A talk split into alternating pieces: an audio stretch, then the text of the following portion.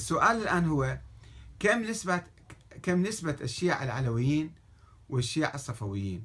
وما هو الاتجاه العام لديهم؟ يعني الآن في الساحة في ظل الأنظمة الديمقراطية الاتجاه نحو تصاعد المد الصفوي أم انحدار هذا المد وتصاعد المد الديمقراطي العلوي الحسيني؟ هذا سؤال مهم يجب أن نتوقف عنده ولا نحكم على الناس بسرعة. وما هو سؤال الثاني أيضا مهم جدا ما هو دور المرجعيات الدينية في تعزيز الاتجاه الصفوي في الساحة الشعبية؟ هل لهم دور؟ بعض المرجعيات وليس طبعا كل المرجعيات. وما هو دور الحركات الثورية والسياسية والمقاومة في تعزيز الاتجاه العلوي الحسيني؟ أخيرا كيف يمكن مكافحة التشيع الصفوي والتخلص من التراث السلبي الموروث ومن يجب أن يقوم بذلك؟ هل ننتظر العلماء والمشايخ أن يقوموا بهذا الدور؟ أم كل واحد من عندنا يمكن أن يقوم بمكافحة هذه المفاهيم المغلوطة عن التشيع المفاهيم السلبية التي تبث العداوة والبغضاء بين المسلمين؟ هذا ما يجب علينا آه، أن نفعله. والآن نستمع إلى مداخلاتكم. وإذا كانت هناك مداخلات أخرى يعني كانت هناك مداخلات سابقة وأرجو أن يسع الوقت ل آه، يعني الاستماع للمداخلات الجديدة في هذا الموضوع. وتعذروني إذا كنت يعني أعجز عن قراءة بعض المداخلات لأنه عندي مشاكل تقنية في آه، البث والقراءة وما إلى ذلك. ف آه، إن شاء الله يعني آه، نكون في خدمتكم.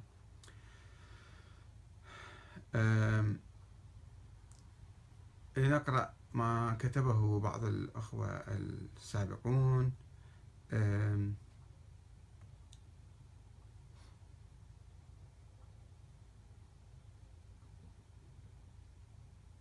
هنا عندنا مداخلة من أخ عزيز هو الأخ عبد الحكيم قاسم الحسني وهو أخ جزائري ويبدو يعتنق المذهب الزيدي.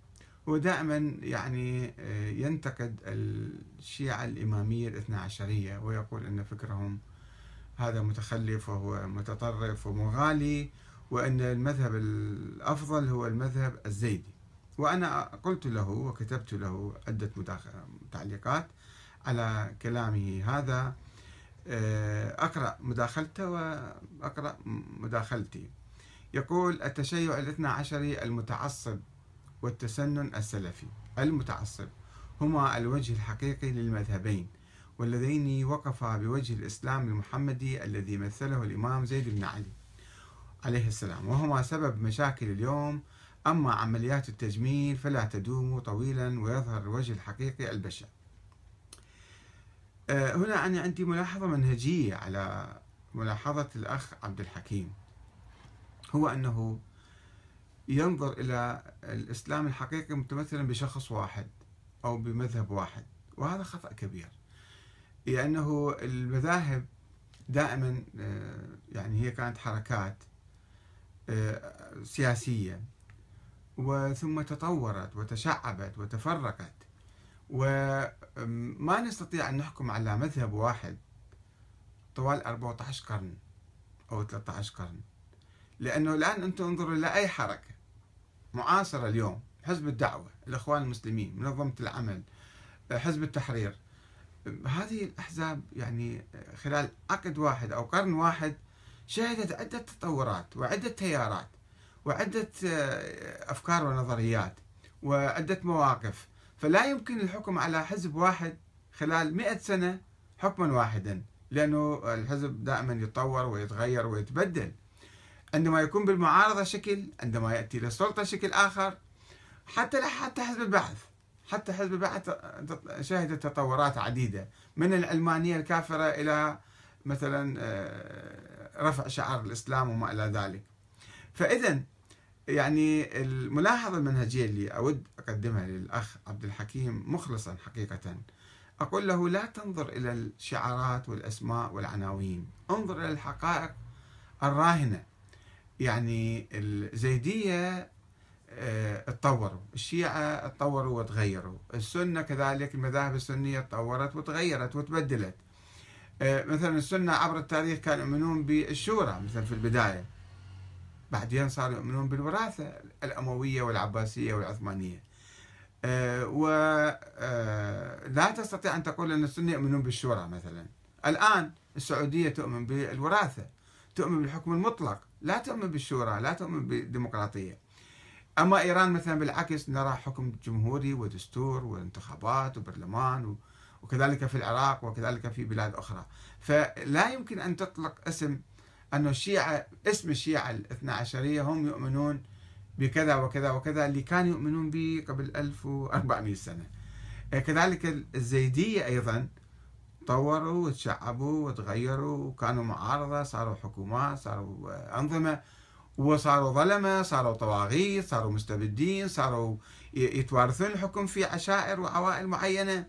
ثم حصلت ثورات في صفوفهم ثورات جمهورية ثورات ديمقراطية والآن الزيدية اسم قديم. قد يكون الآن هم حركة جمهورية لا تؤمن حتى بحصر الحكم والحق بالحكم ب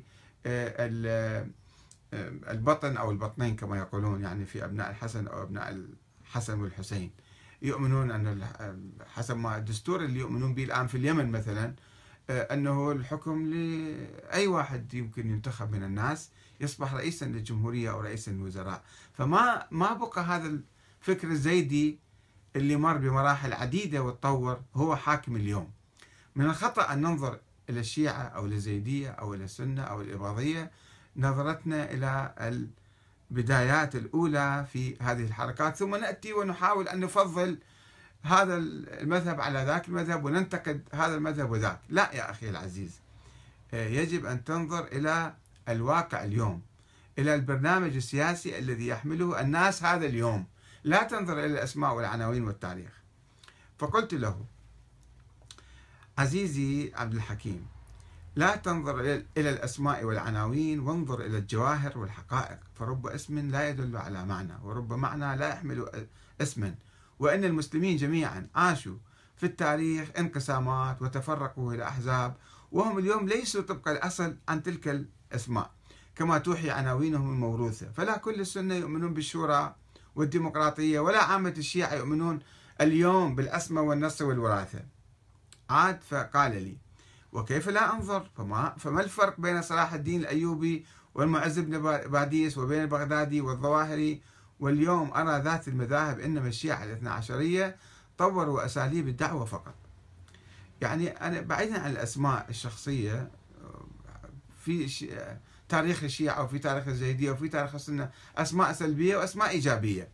إنما أرجو أن لا تنظر إلى الشيعة كأنه في حزب معين أو عصابة أو جماعة يخططون ويعملون الشيعة حركة جماهيرية حركة بها ملايين من الناس أمة كبيرة وفيها تيارات وفيها أحزاب وفيها تطورات وما حد ما يتحمل مسؤولية الثاني.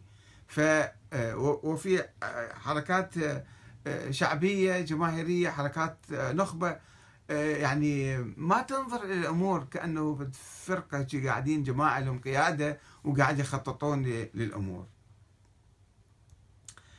فأجبت مرة أخرى قلت لو درست تاريخ المذهب الزيدي لوجدت أنه تفرق إلى فرق وأحزاب وأنه لم يكن دائما يقتدي بالإمام زيد بن علي ولا بأفكاره وأقواله وإنما تحول أيضا إلى مذهب سياسي وراثي وديكتاتوري رجعي أحيانا ولذلك ثار, ثار عليه اليمنيون في الستينات مثلا وحتى الزيدية ثاروا عليه وآمنوا بالفكر الجمهوري وهم الآن آه، آه، الزيدية ليسوا على شكل واحد. فمنهم من يدعو إلى تقديس آل البيت وحصر الحكم فيهم وفئهم فئة قليلة طبعا آه، أو في البطنين كما يقولون. ومنهم يؤمن بالفكر الديمقراطي الجمهوري وكما حصل للزيدية حصل للجعفرية. وآمن بعضهم بالفكر الإمامي الوراثي ومنهم من حكم كالإسماعيلية الفاطمية أقاموا الدولة الفاطمية.